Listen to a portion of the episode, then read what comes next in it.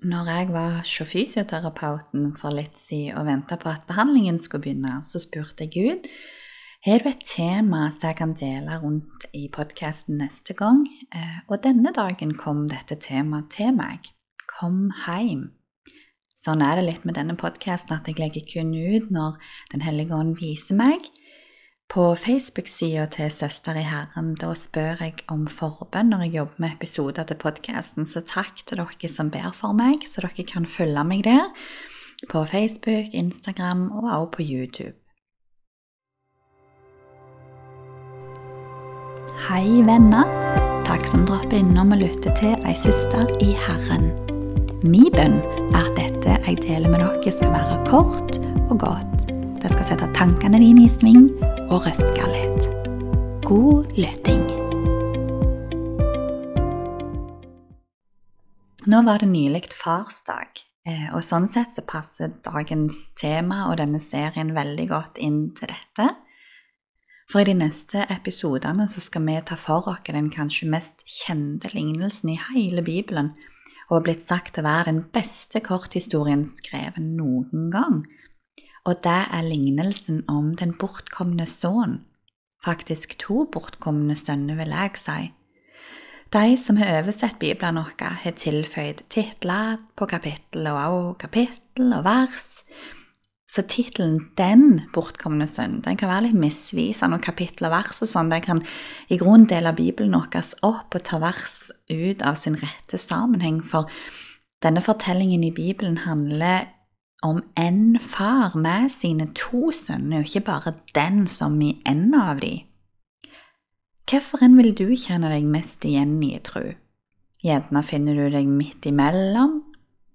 Siden jeg har vært i begge grøftene sjøl, eh, og også plasser midt imellom de, er det av den grunn at jeg kan dele frimodig det som jeg deler med dere i disse episodene. Men det viktigste først. Ingen i verden er for langt kommet heimante for Jesus til å alltid ønske deg hjertelig velkommen hjem igjen. Det skal vi snakke om, det er for å komme hjem til Jesus. Kanskje for tusende gang, eller komme for aller første gang. Så lenge du kommer deg hjem, er det alt som betyr noe, og hvor og hvor lenge du har vært fraværende, betyr ingen verdens ting. Nå vil Den hellige arbeide i deg i dag, om du hører Jesus sin røst, så ikke gjør deg harde, sier Paulus i hebreerbrevet. Jeg anbefaler deg å høre hele serien for å få med deg helheten. Denne første episoden bygger opp om historien om de to fortapte sønnene. I episode to det handler hovedsakelig om yngstemann, som vi oftest har tenkt var den bortkomne sønnen. Den tredje episoden da snakker vi om hvordan faren takler eh, og hvordan han reagerer på sønnen sin heimkomst. Og i den siste episoden så handler det om han eldste som var igjen hjemme. Dette er jo en lignelse. Hva i alle dager er en lignelse? Jesus er geniale og bruker ofte lignelser når han forklarer ting som vi skulle ha lært dere, eller de han snakker med der og da skulle lært seg. En lignelse der gjør Jesus sine poeng mye mer lettere å forstå, men de må tolkes i en viss grad. For de som husker noe fra norsk på skolen, så har vi såkalt allegoriske tolkning. Dette blir aller oftest brukt i det å forstå og tolke Jesus sine lignelser. Det betyr at lignelsen ikke plent handler om det konkrete som står, men peker på en dypere åndelig sannhet. Allegori betyr liksom å si noe med å si noe annet. Og ikke alle lignelsene kan tolkes slik, noen har jo mer enn ett poeng i seg. Men det viktige er at vi må se på hvem Jesus snakket med, og hvorfor. Hva vil lignelsen formidle inn i den samtalen eller diskusjonen som Jesus er i der og da? Lukas, som har skrevet boka i Bibelen som vi leser ifra nå, i kapittel 15, han var en hedning, han var fra Antioch i Syria, og han var også doktor. Eh, det er veldig ryddig og bra oppstilt i det som Lukas skriver. Veldig gjennomtenkt og nøye nedskrevet. Og kapittel 15 der begynner med å si en hel del om Jesus. Tollere og syndere de holdt seg nær til Jesus for å høre han, står det innledningsvis. Hva var en toller? Vi kan sammenligne det med dette, at da, i den tida som Jesus levde, så var det som om en nordmann meldte seg for å jobbe for tyskerne under, under andre verdenskrig, og jobbe for okkupasjonsmakta eh, med å samle inn penger fra oss sjøl, oss nordmenn, fra Norge, og sende dem til Tyskland for å bygge Tyskland. Det var det tolleren gjorde i den tida, for Romerriket. Sakkeus var en toller, han har vi hørt om. Matteus, en av de som ga opp jobben og isteden ble Jesus sin disippel, var en tidligere toller. Men syndere, da, det var i grunnen folk som holdt seg langt vekke fra synagogen og dette som hadde med Gud å gjøre. Det kunne lett vært redelige, arbeidsomme folk, men de holdt seg langt vekke fra dette med kirke og bedehus. Jesus han ble kalt for synderens venn av fariseerne som et hån men så er det sant, og det er fascinerende å stadig se i Bibelen hvem som ble Jesus sine venner og følgere, og hvem som ble hans fiender eller motstandere.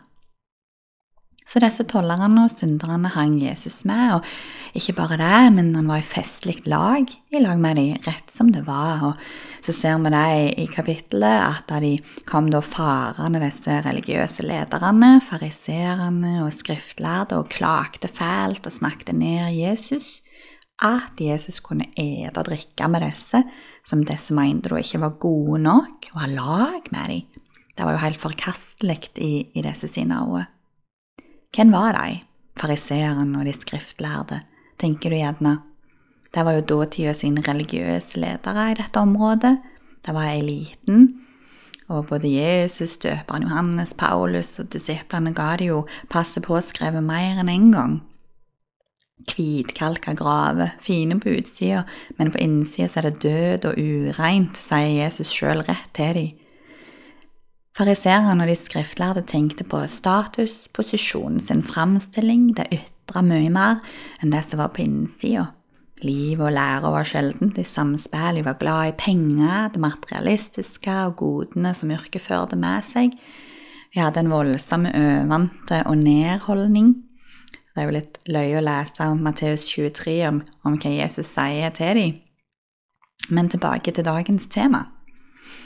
Så så Jesus der og ville altså lære både syndere, tollere, fariseere og skriftlærde noe på likt. Det var jo litt av et publikum, litt av en miks, og dette legger grunnlaget for det som han begynner å fortelle, som vi skal se inn i. Alle liker jo en god historie. Ungene mine elsker når jeg forteller historier fra da jeg var liten og ting som jeg har opplevd. Så Jesus han bygger opp til denne hovedstorien som vi skal ha fokus på, med først to andre lignelser om noe som er tapt, som har kommet vekk. Den første peker på den yngste sønnen, og den andre på den eldste sønnen. Den første handler om en av hundre sauer som ble vekke. En sau var jo forholdsvis verdiløst og forsvant. Sauen kunne jo lett erstattes, men sauen den ble bortkommen, han ble på avstand. Og jeg vet ikke om sauen plent visste han hadde kommet vekk der han gikk og suste rundt, og han vet ikke om han visste at han ikke var der han skulle være. Eh, han surder rundt uten flokken, uten hyrden sin, men gjeteren han forlater faktisk de 99 trygge sauene for å finne denne ene som var kommet vekk, som ikke lenger var i trygghet. Han leter til han finner sauen. Og ikke bare det at han ikke gir seg, men han bærer sauen etter han har funnet den på akslene sine, tilbake til sikkerheten og ikke nok med at han får henne i sikkerhet igjen, så stedler han i stand og ber venner og naboer på fest for å glede seg. De må glede seg med han for at sauene kommer hjem. Og så står det noe viktig, at Jesus sier det, det skal være større glede i himmelen over én synder som omvender seg, enn over 99 rettferdige som ikke har bruk for omvendelsen. Og så kommer Jesus med en ny historie. Da var det ei dame som hadde mista en av sine ti mynter. Hva gjør dama? Bryr hun seg ikke om den? Ja, hun skrur opp lyset og bryr seg katten om det dyret stram og veler om og feier og leter nøye etter mynten. Til slutt så finner hun den. Noe var tapt, men ikke på avstand denne gangen. Det var tapt i heimen, tapt innenfor husets fire vegger. Ikke avleides, men blei funnet til slutt.